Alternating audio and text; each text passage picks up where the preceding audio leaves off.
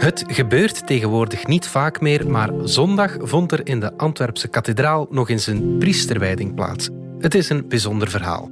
Paul Sas uit Vosselaar is 68 jaar. Hij wachtte bewust met priester worden omdat hij eigenlijk wilde wachten tot het Vaticaan het ambt ook zou openstellen voor vrouwen en gehuwden. Ik zou het mooi vinden mocht dat kerkelijk ambt kunnen worden opengemaakt in de volle breedte. Mannen en vrouwen, gehuwd, ongehuwd, homo, hetero, misschien zelfs transgender, omdat God ieder mens even graag ziet. Hoeveel jaar praten we nu al over vrouwelijke priesters en toch zijn ze er nog altijd niet, ook al staat de huidige paus bekend als best progressief. We duiken vandaag met u de kerk in. Het is donderdag 2 september. Ik ben Alexander Lippenveld en dit is vandaag de dagelijkse podcast van de Standaard.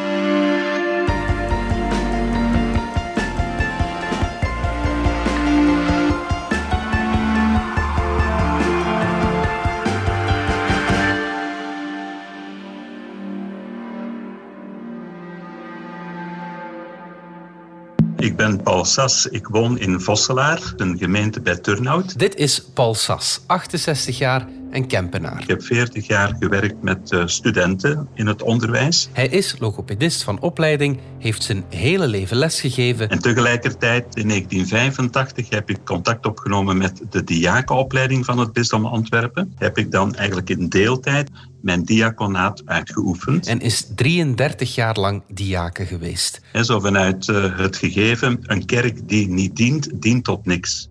En dat heb ik dan 40 jaar gedaan. En dat is altijd prachtig werk geweest. Maar gedurende al die tijd is dat verlangen om een eventuele verdere stap te zetten toch in mij blijven leven. Dat heeft altijd zitten trappelen in mij. Goede vrienden, broeders en zusters, ik wil u heel graag deze namiddag verwelkomen in de kathedraal om samen de Eucharistie te vieren, maar vooral om samen de priesterwijding te voltrekken en te vieren van Paul Sas.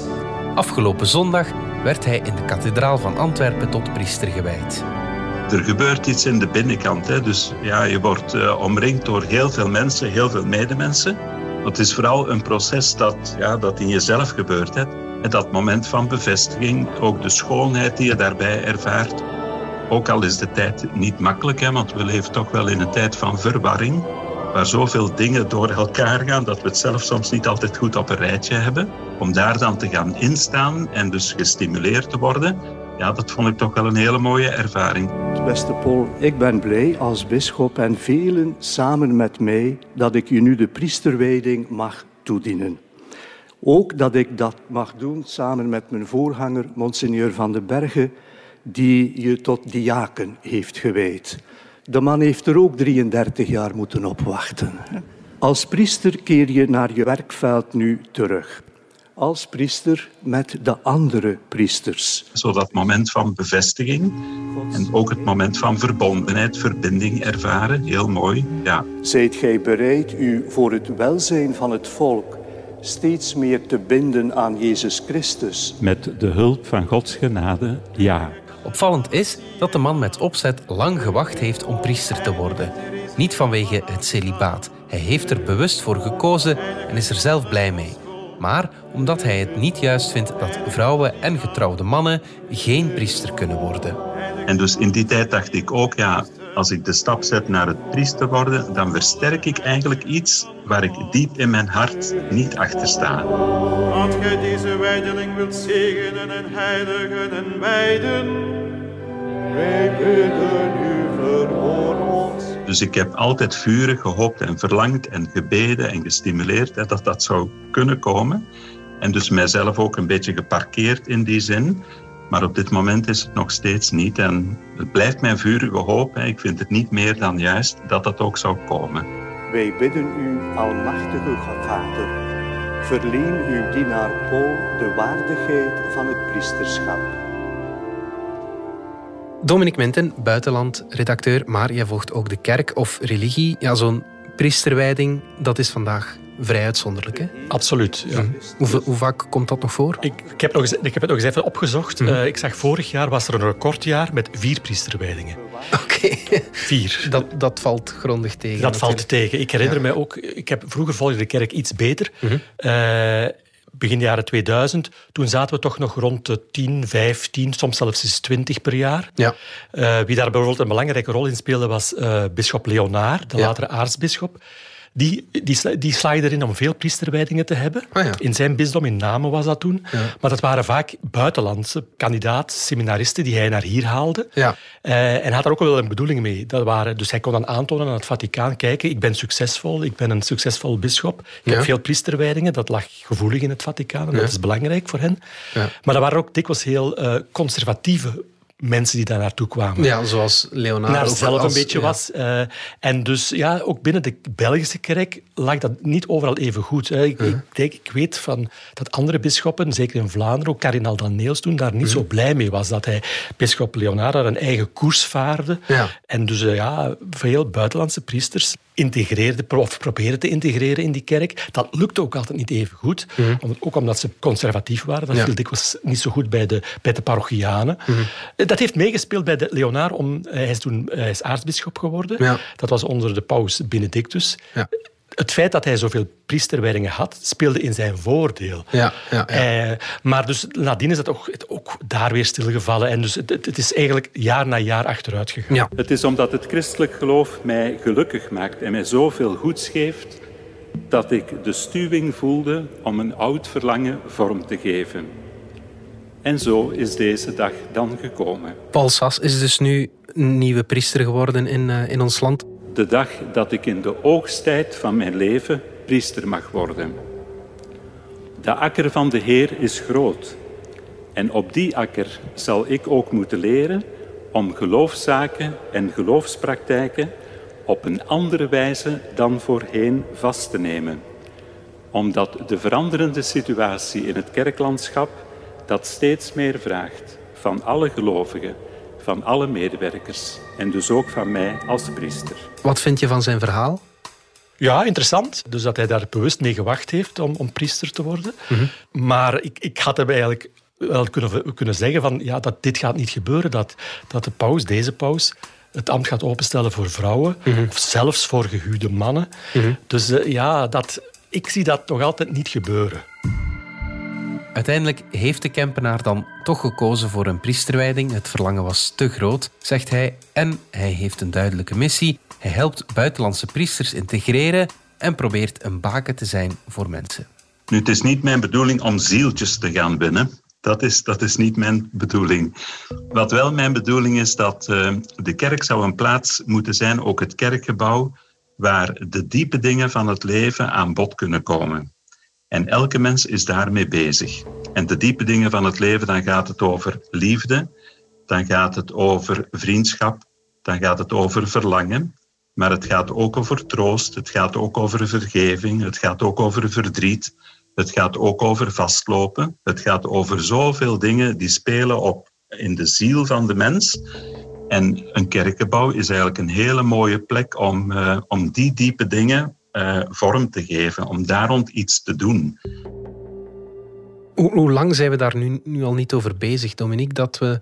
Heel Ja, dat- lang, heel ja, lang. Ik, ja. ik, ik, zeker over de priesterwijding eh, van vrouwen. Ja. Die is eigenlijk al in 1994 gesloten. Definitief gesloten. Ja. Dat was eh, paus Johannes Paulus II. Die heeft toen een soort van heeft toen een apostolische brief geschreven. Ja. Waarin hij het ambt definitief sloot voor de vrouw. Ja. Vrouwen kwamen niet, niet in aanmerking voor, voor, de, voor een wijding als priester. Nooit. Nooit. En is dat als een wet? Dat was een soort van wet, ja. En daarmee sloot hij eigenlijk definitief eh, dat ambt voor vrouwen. Dat Ja. heeft toen in Vlaanderen heel veel commotie veroorzaakt. Mhm. Toen was dat nog echt wel... Ja, de kerk was nog belangrijker in die tijd ook. Mhm. En heel veel vrouwen in Vlaanderen waren bijzonder door teleurgesteld. Ja. Eh, het debat over mannen die getrouwd geweest waren, of die een, een, en dan een, zeker als hun vrouw dan later misschien overleed, en die dan toch een roeping voelden, Mhm. dat debat is altijd eh, wel open geweest. Dat waren, dat is soort, zij werden de viri probati genoemd. De? De viri probati. Ja. Latijns voor de deugdzame mannen. Ja. zijn mannen die eigenlijk altijd erg gelovig zijn geweest, maar die wel een vrouw hadden. Ja. Maar die dan getekend door het leven en eh, zij hebben veel levenservaring. Ja. Voor hen zag de kerk wel een, een plaats eigenlijk als priester. Ja, ja, ja. Maar toch, ook die deur die staat nog altijd een beetje op een kier. Twee jaar geleden is daar nog een synode over gehouden.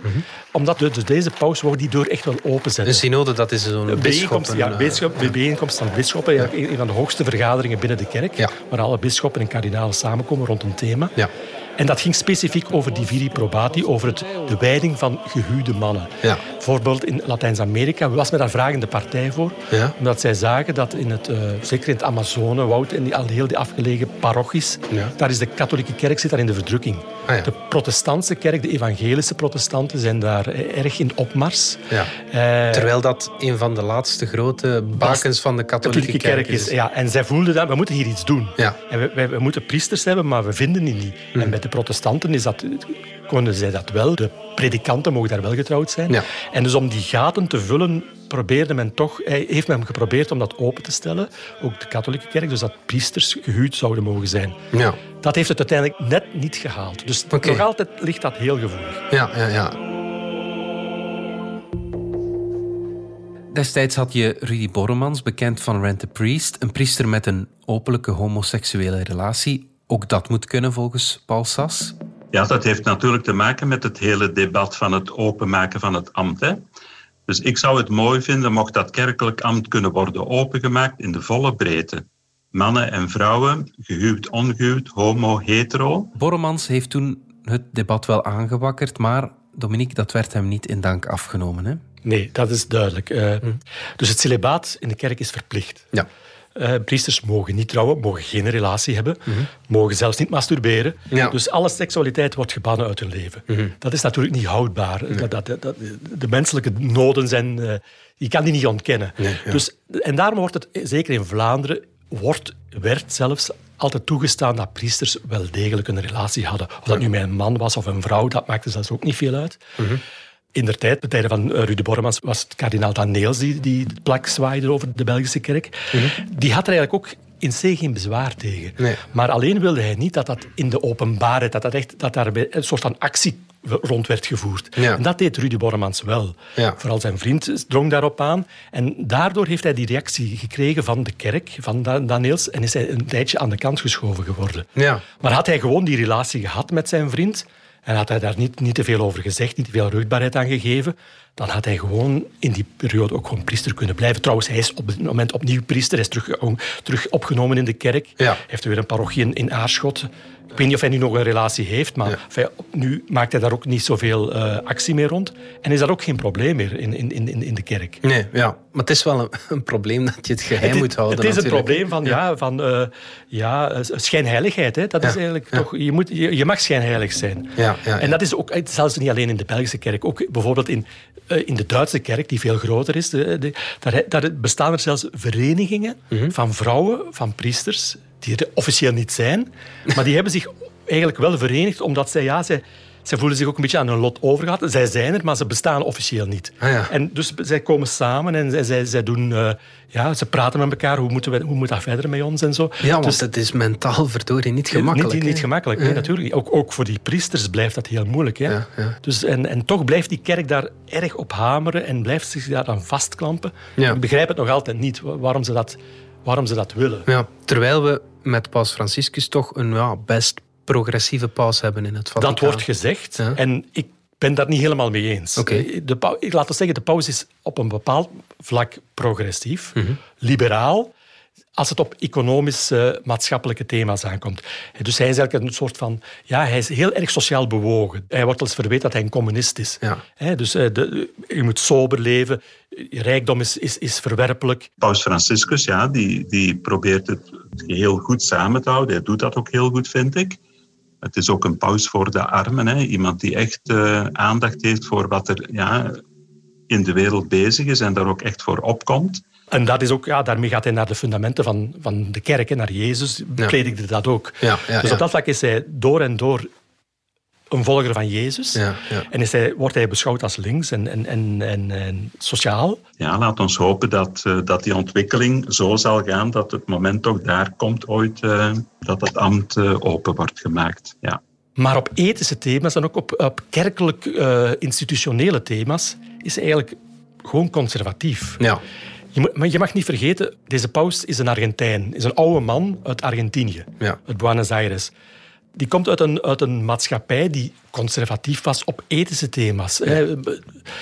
Ja, homoseksualiteit, hij heeft, hij heeft daar nu de deur wel voor, voor opengezet, maar eigenlijk vindt hij dat ook toch niet helemaal oké. Ja. Hij, hij, houdt niet, hij, hij, vindt daar toch wel iets raar aan.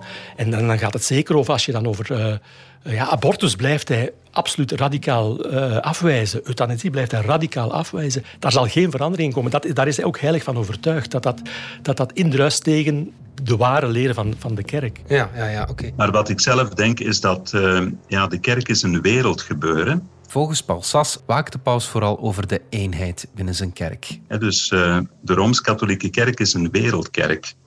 Dat wil dus zeggen dat die uitgezet is over de hele wereld, over alle continenten. En als je dan kijkt wat er in die continenten bezig is op de werkvloer, hè, op de grond, dan zie je daar toch wel behoorlijke verschillen. Hè. Dus de thematiek in Afrika, de cultuur in Afrika, is heel anders dan in Europa, is heel anders dan in Azië. Dus daar zijn enorm grote verschillen. En in Rome komt dus die wereldkerk bij elkaar, maar komen die verschillen ook bij elkaar? En onze goede paus die streeft natuurlijk ook naar eenheid. Hè, want dat is eigenlijk wat de Heer Jezus wilde. Hè. We willen eigenlijk één kerk zijn, één communio, één verzameling van broers en zussen die zorg dragen voor elkaar. En vooral voor degenen die het minst goed hebben in die gemeenschap.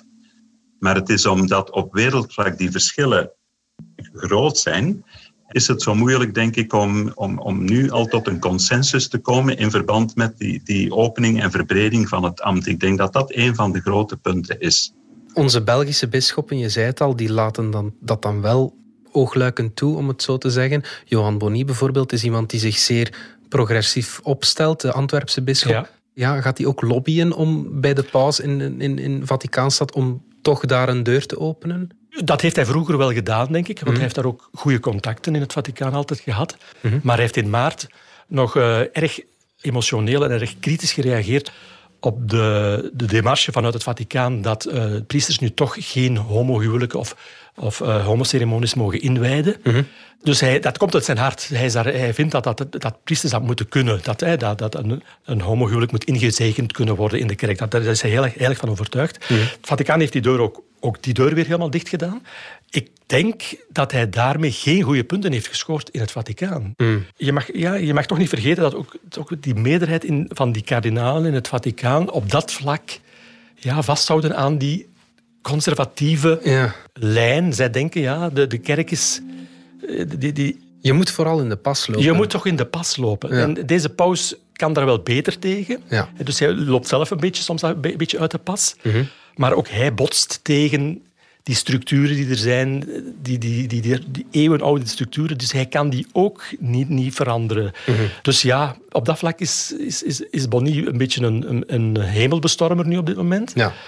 Maar ja, of hij daar de kerk mee kan veranderen, nee. Dat, daar, daarvoor is hij ook ja, een te klein radertje in, die, in dat grote netwerk. Even terug naar de mogelijkheid om vrouwen als priesters aan te stellen. Er zijn heel veel vrouwelijke pastorale werkers. Zij zijn al langer vragende partij om ja, ook priester te kunnen Absoluut, worden. Ja. Er zijn meer pastorale werksters in ons bisdom werkzaam dan pastorale werkers. Maar ik denk, eh, als die mogelijkheid er zou zijn, dat een aantal vrouwen zich wel zouden aanbieden, denk ik, om die stap te zetten. Dat denk ik wel. Ja. Wat deze paus en ook de vorige paus eigenlijk al wel gedaan heeft, is, is bepaalde vrouwen benoemen in kerkelijke raden in het Vaticaan. Ze krijgen daar wel functies. Ze krijgen wel wat, wat, wat, wat bestuursfuncties zelfs. Mhm. Maar ja, eigenlijk Zeker ook de plaatselijke kerken, ook in Vlaanderen nog, de, de, de, weinige kerken die nog overblijven, daar zijn vrouwen echt belangrijk. Die, die, die, die houden dat draaiende zelfs op een bepaalde manier. Mhm. Maar die deur blijft gesloten en eh, ja, ik, ik zie die ook niet opengaan voor hen. Er worden wel uh, vrouwen benoemd in bepaalde congregaties in, in Rome. Mhm.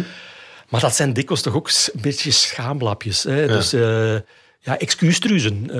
ja. En dan kunnen ze wel zeggen, kijk, er is een plaats voor vrouwen in de kerk. Ja, maar als het echt puntje bij paaltje komt, ja, als de, de, de, wijding, en dat blijft essentieel in die kerk, blijven ze uitgesloten. Ja, ja, ja. Intussen lopen de kerken leeg. Er is niet meteen verbetering op komst. Uit een kerstvers onderzoek van de KU Leuven blijkt dat het aantal jongeren dat zich gelovig noemt miniem is. Ja, dat is ook problematisch. Hè? Ja, ja. maar ik denk ook niet dat dat gaat veranderen door vrouwen tot priester te wijden of door gehuwde mannen toe te laten. Mhm. Op dat vlak zie je dat ook. De, protestantse kerk, waar de predikanten wel een vrouw mogen hebben en zo, mhm. die zitten ook in geloofscrisissen. Dus dat, dat heeft minder te maken met of er nu een priester een vrouw mag hebben of niet, dan met het algemeen maatschappelijk klimaat hier in, in West-Europa. Ja. Tot slot, Dominique, nog even over de invloed van corona. Paul Sas die merkt in zijn parochie een lichte stijging van het aantal mensen dat de kerk opzoekt voor troost of vergeving of als houvast. In de coronatijd uh, moesten we noodgedwongen een aantal bijeenkomsten liturgisch uh, stopzetten. Maar in die post-coronatijd zie je toch wel dat, dat, dat, veel mensen terugkomen en dat de groepjes zelfs iets groter zijn geworden. Merk ik dus in de parochies waar ik zelf kom. Dus dat is een bemoediging, ja zeker echte troost en echte vergeving kun je niet kopen. Dat moet je op een andere plek halen. En volgens mij is dat de plek waar je dat gratis krijgt. Maar je moet het ontdekken en het moet je gegeven worden. En ja, dat, dat is vooral mijn insteek. Misschien, ja, werkt corona wel even mee? Wel, werkt misschien wel even mee, maar ik denk dat het effect op lange termijn toch ook weer verwaarloosbaar is. Dat het, dat, dat ook geen oplossing is. Mhm. Ja, het, is het, het Westen, zeker West-Europa, kampt met een geloofscrisis. Uh, die is al 50 jaar bezig bij, bijna. Mm. En ik weet ook niet wat daar de oplossing, of we daar ooit gaan uitgeraken. Mm. Het, dat mij wel blijft intrigeren is dat het toch erg een Europese crisis is. Dat je het bijvoorbeeld in Amerika niet ziet. Mm. ook een maatschappij die heel vergelijkbaar is met onze. Ja. Daar is het, ja, God is daar alomtegenwoordig, meer dan ooit. En waarom dat in Europa weg, weg, is, ik weet het niet. Ja, en om terug bij ons uitgangspunten komen. Vrouwelijke priesters, denk ik, gaan daar niet bij helpen. Ik ben er voorstander van. Het geeft meer gelijkwaardigheid in die kerk. Het brengt die gelijkwaardigheid, die ze toch zo belangrijk vinden. Ja. Zou dat in de praktijk brengen? Ja. Maar ik, nogmaals, ik zie het niet gebeuren. Niet onder deze paus en ook niet onder de volgende paus. Hm. Oké, goed. Dominic Winten, dankjewel. Graag gedaan. Een priesterwijding eindigt niet met een huwelijksreis. Vanaf morgen moet hij aan het werk. Want de kerk, de kerkgemeenschap, de mensen wachten. Paul, ze wachten op u. Hoe mooi zou het zijn als mijn priesterschap, het priesterlijke dat in jou leeft, aanwakkert. En ook het priesterlijke dat in jongeren en in kinderen leeft, aanwakkert. Zo werd het uiteindelijk ook in mij aangewakkerd. Zo is het begonnen. Als Godsgeest in ons mag werken, is heil voor ieder medemens mogelijk. Het behoort tot de diepe roeping van ieder christen om zich daarvoor in te zetten. En dat is een priesterlijke, ja zelfs een adellijke taak. En daar wil ik voor gaan. Hartelijk dank.